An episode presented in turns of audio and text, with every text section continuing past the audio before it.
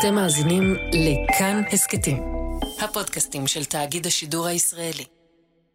כילדה אני כתבתי שירים כדי ליצור עם עצמי איזשהו שיח על העולם, או לתת לעצמי נחמה, או לשלוח לעצמי יד בתוך העולם. וזה היה כמו לחזור לנקודה הזאת של אני אבודה, התחלתי משהו, ואני לא יודעת אם אני אצליח לסיים אותו, ואין לי יותר כוח להמשיך, ואין לי מאיפה להביא את זה, וזה בדיוק מה שקורה בשירים, וזה בדיוק מה שקרה בשיר הזה.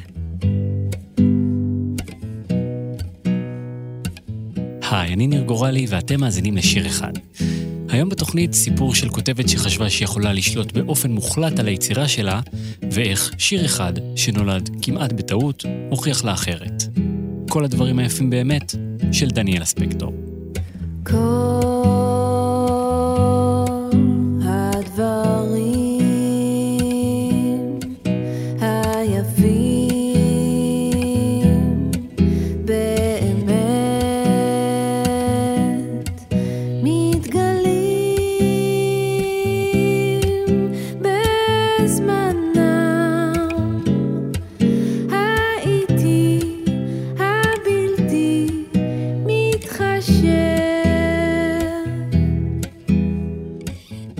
הסיפור הזה מתחיל באמצע העשור הראשון של שנות האלפיים, והוא בכלל לא היה הסיפור של דניאלה ספקטור. הייתי דניאלה פפיש, זה שם פולני, הוא מחזיק את כל ההיסטוריה היהודית, אתה יודע, באירופה. משפחה נורא הישגית ונורא מצוינת, ו- וגם מאוד אוהבת ומחבקת, אבל פולני וסובל, אפשר להגיד. ניגשתי עם כל המסורת הזאת בגיל 22-3 למקום שאומר, מוזיקה זאת הדרך שלי, היא תמיד הייתה מאז שאני ילדה, אבל עכשיו אני הולכת להפוך את זה ל...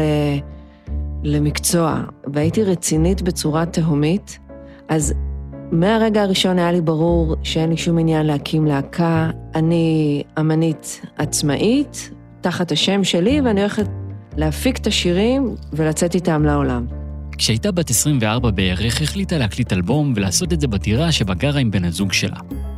אני ובן גרנו ביחד בדירה קטנה, בקרל נטר, במרכז תל אביב, ובין המקרר לשולחן אוכל הייתה דלת צדדית שאי אפשר לראות אותה אם אתה לא יודע שהיא שם, ומתוכה אתה נכנס לתוך חדרון קטן, שהיה ממש מפוצץ בכלי נגינה ובמחשב ובכל מיני כבלים, ובקיץ הוא היה לוהט, ובחורף הוא היה קפוא, ופשוט ביליתי שם המון המון שעות. שיר אחר שיר, לפצח, לחפש, למחוק, להתחיל שוב.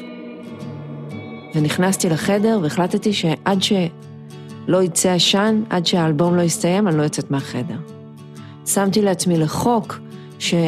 אני הולכת לעשות את כל מה שאני יכולה בכלים שלי ובידע שלי, או בחוסר הידע שלי גם. זה היה איזה מין uh, חוק יסוד.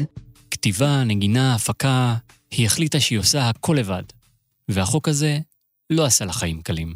נקודת התורפה של האלבום הזה הייתה שכשנתקעתי, הרגשתי שאף אחד בעולם לא יכול באמת לחלץ אותי. והיו כמה עצירות בתוך האלבום הזה שנמשכו שבועות וחודשים. זו מחלה של הרבה מוזיקאים. אתה יוצר משהו בכמה שעות, ואז אתה מתחיל להילחם בו ולהתנגד לו. וזה קרה לי כמה וכמה פעמים, בגלל שזה אלבום ראשון, בגלל שלא היה לי עדיין את הגושפנקה שאני אמן לגיטימי, כל הזמן הטלתי ספק בתהליך היצירה, וכל הזמן בחנתי מחדש דברים שיצאו בצורה אינטואיטיבית.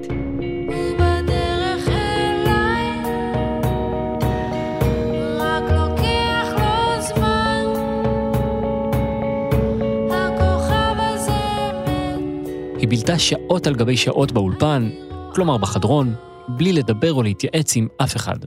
וזה היה מאוד קשה, מבחינה נפשית. זו, זו הייתה חוויה של עצירה מוחלטת, של התייבשות יצירתית, של מין מדבר כזה. והייתי לגמרי אבודה, ומאוד מאוד בודדה. זו הייתה דרך מאוד בודדה.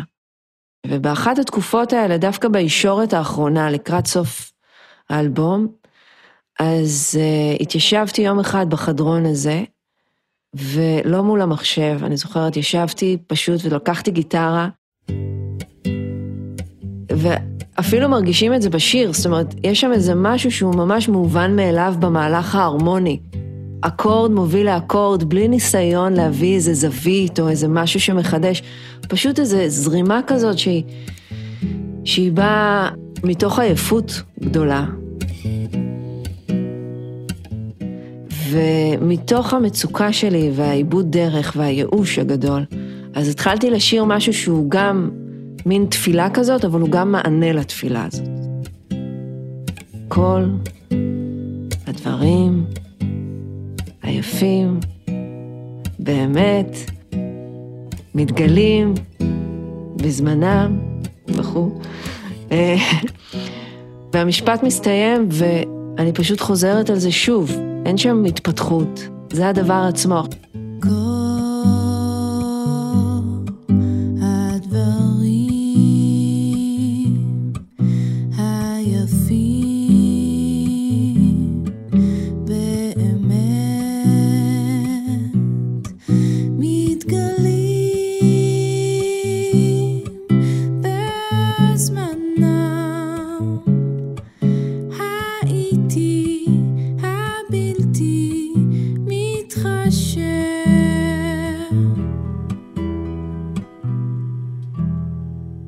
כתבה את המילים בעיקר לעצמה, ולא קרה איתן שום דבר בעצם. לפעמים כשאני כותבת שיר, אז תוך כדי שאני כותבת, אני מרגישה שאני כותבת את יצירת המופת מינימום הכי גדולה בעולם. אז לא היה שם את המקום הבוער הזה של שיר חדש ומה אפשר לעשות איתו. זה היה מקום נטו של נחמה. וגם נחמה מאוד מאוד פרטית. אז לא הייתה שם שום יומרה אומנותית. פשוט שרתי את זה לעצמי שוב ושוב, וזה נתן לי איזו מידה של הקלה. ואני זוכרת שאז לא היה לי את הסוף עדיין, אז זה היה רק המשפט הזה, והייתה לי תחושה שזה... לא צריך לגעת בזה. אחד הדברים שהרגשתי, שחשבתי שלא נותנים לשיר הזה את הלגיטימציה להיות שיר, זה המטען המילולי והמוזיקלי הכל כך כל כך קטן שלו. וזה היה כל כך פרטי, שאני לרגע אחד לא העליתי על דעתי להכניס את זה לאלבום. אז דניאלה הניחה את הקטע הזה בצד, ולמרות כל הקשיים, היא הצליחה לסיים את האלבום. ורגע לפני שהוא יצא, התחתנתי עם בן, והפכתי להיות דניאלה ספקטור, ובעצם השם על האלבום הראשון הפך להיות הדבר הזה, והיה איזה מין כותרת לפרק חדש בחיים שלי. זה כמו להתהדר בבגדים חדשים, זאת אומרת, ממש לעשות מייק uh, אובר. והספקטור הוא, הוא פשוט, יש בו משהו נורא פתוח. אתה יודע, המשמעות של ספקטור, הוא, יש כל מיני משמעויות לזה ברוסית, וזה גם רוח, וזה גם uh, בלש, ומשהו בשם הזה פשוט מתנגן נכון. ואני זוכרת שהצגתי את עצמי כספקטור ואת אותו קושי שהיה לי עם הפאפיש, הכבדות, המרובעות הזאת, משהו נפתח שם.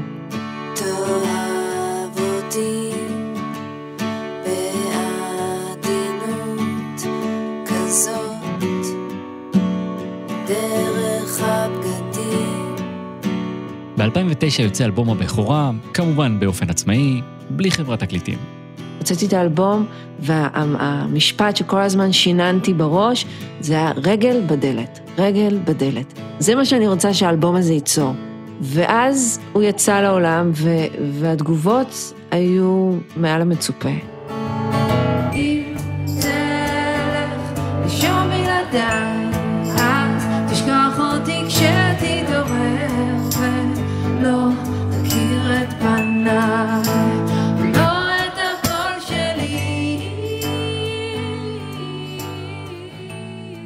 ובתקופה ההיא של ההופעות עם האלבום החדש, היא החליטה לשתף את הקהל בשיר הנחמה הפרטי שלה. אבל בשביל זה, צריך לסיים אותו. ניסיתי להוסיף לו כל מיני בתים וכל מיני משפטים, ושום דבר לא נדבק. זה פשוט היה מדהים, שום דבר לא הצליח להידבק לשיר הזה, ורק בסוף רק הסיומת הזאת.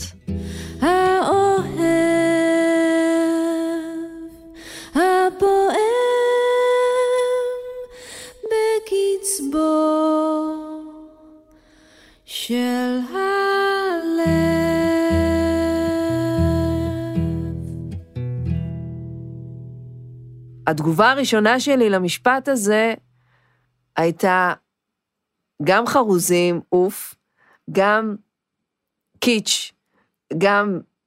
אה, זאת אומרת, הייתי נורא, נורא שיפוטית. על הבמה, בניגוד לחדרון ההקלטות, קרה לשיר משהו חדש. הוא פגש מוזיקאים אחרים. אני זוכר שזה פשוט, מהרגע הראשון זה הרגיש כמו קלאסיקה שלמה. זה אלון עדר. זה הרגיש כמו משהו שממש, אתה יודע, יש לו... צריך להתייחס אליו בכבוד, כאילו מהשירים האלה, שיש בהם משהו נצחי, שאתה שומע פעם ראשונה וכל מילה במקום. אתה יודע, אווירה של שיר זן. בשנת 2010 הוא שמע את השיר לראשונה לקראת הופעה משותפת עם דניאלה ועם שירלי כונס. וניגענו אותו יחד, ואלון אז, הוא זרק על השיר את הרפרנס הזה של הפסנתר המושווה, בצורה ככה מאוד, אה, מאוד אה, ספונטנית. אז אני הייתי מלווה בפסנתר, ואתה יודע, בהתייחס לזה שזה הרגיש כמו קלאסיקה נצחית על השמיעה הראשונה, אז היה ברור שגם הליווי בפסנתר צריך להיות משהו שמתחבר לזה, אתה יודע, משהו מאוד שלם, עגול, נקי. אז אה, זה ישר זרק לפסנתר המושווה, לבאך, שהנגינה צריכה להיות מאוד שלמה ועגולה מול השיר. אם אני אלך עם, עם הקו הזה, שבאמת השיר הוא קצת הולך ל-obvious, הולך למובן מאליו, אז יש משהו בצורה שאלון ניגן את זה. על גבי המהלך אקורדים הזה, שאני רואה בו כמהלך אקורדים נורא נטול דרמות, הוא פשוט ניגן את זה בצורה נורא טבעית, אלון. וזה התחבר בצורה, אם אני אשתמש באותן מילים, מובנת מאליה. זו חוויה מאוד חזקה, ששיר, לא משנה מה קורה לו בחדרי חדרים, כשהוא עולה על הבמה אז הוא מתחיל את הצעד הראשון שלו בעולם. ב-2013, אחרי שנים של הופעות, כשלהיטים מהאלבום הראשון מנוגנים ברדיו, והיא הספיקה גם להוציא אלבום באנגלית עם בן זוגה בן,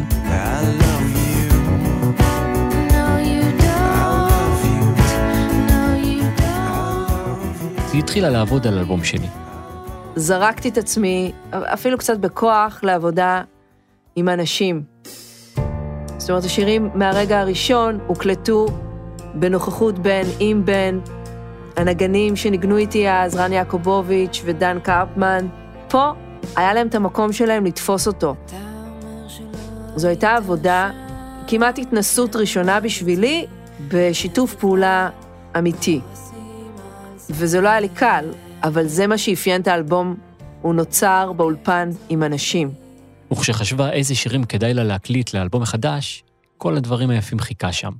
והרגשתי שהוא קצת אולי קטן מדי, אבל הפחדים האלה ידעתי שהם לא מספיקים בשביל אה, לגנוז אותו. ואמרתי, אוקיי, פשוט נקליט אותו. זה קצת לפעמים כמו בלש שמחפש רמזים לאיך שיר אמור להיות. אז אמרתי, קודם כל נשים את הממצאים על השולחן. אז uh, התחלתי עם הגיטרה הזאת. הזמנתי את שירלי לשיר את התפקיד שהיא שרה תמיד, את האוקטבה הנמוכה הזאת. כל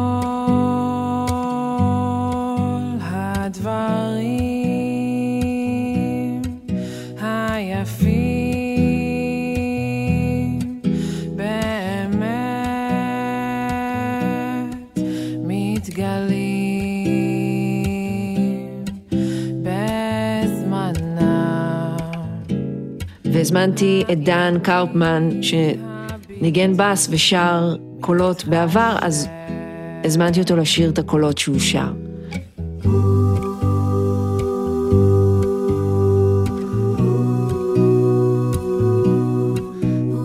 הקולות שלו היו כמו מים. הם פשוט נכנסו בדיוק לחריצים שצריך, בדיוק לרווחים הקטנים שלא התמלאו בשיר. הזמנתי את אלון לנגן את הפסנתר שם, ובסוף משהו לא הסתדר עם התיאום, בסוף אני ישבתי וניגנתי את הפסנתר, אבל מתוך מחשבה עליו. איך הוא היה עושה את זה.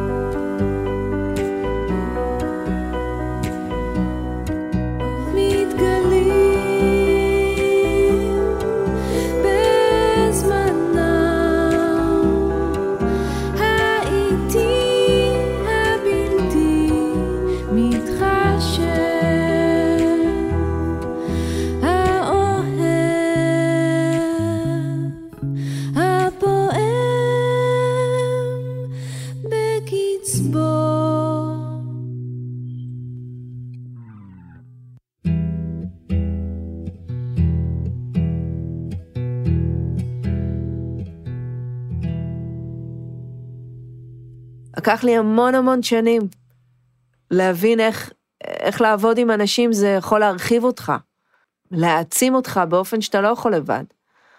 אבל זה לקח לי 15 שנה להבין את זה. וכשסיימה להקליט את האלבום, היא התלבטה איזה שיר כדאי להוציא כסינגל. פחות או יותר באותה תקופה שהכרתי את אלון עדר, הכרתי גם את אבא שלו, יהודה עדר. ושלחתי לו באותו רגע מייל, והוא אפילו עוד באותו יום הוא שלח לי, הוא אמר לי, ברור, מיד את זה. אני חושבת ששלחתי לו כמה אופציות, והוא הצביע על זה ואמר חד משמעית.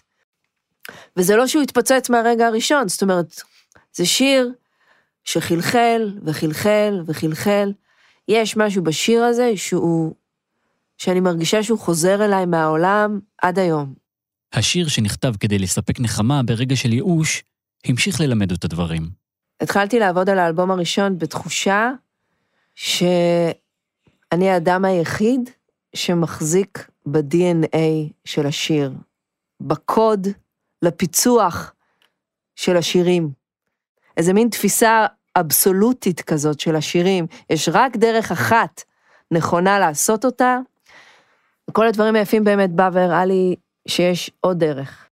הייתה לו דרך משוחררת ואחרת, והוא ביקר בידיים ובלבבות של אה, נגנים ויוצרים אחרים, והוא ככה ליקט לעצמו. ואני חושבת שאולי הדבר הכי טוב שעשיתי עם כל הדברים היפים באמת, זה לכבד. זה לכבד את הגודל שלו, את הדרך שלו, את המובן מאליוויות שלו. את אה, כאילו, את קולטת שזה בדיוק המילים של השיר. כל הדבר... למה אתה אומר כל הדברים היפים באמת מתגלים בזמנה? לגמרי. לגמרי, לגמרי, לגמרי. יש אחדות בין, אה, בין התהליך, גם שהשיר עצמו עבר וגם שאני עברתי. ובאמת, יצירה זה לא כל כך, זה לא חייב להיות מלחמה, זה יכול להיות גם איזה מין דיאלוג. כל הדברים היפים באמת, הוא ממשיך להזכיר לי את אותו הדבר, שזה בסדר, זה בסדר, תמשיכי, תמשיכי ללכת.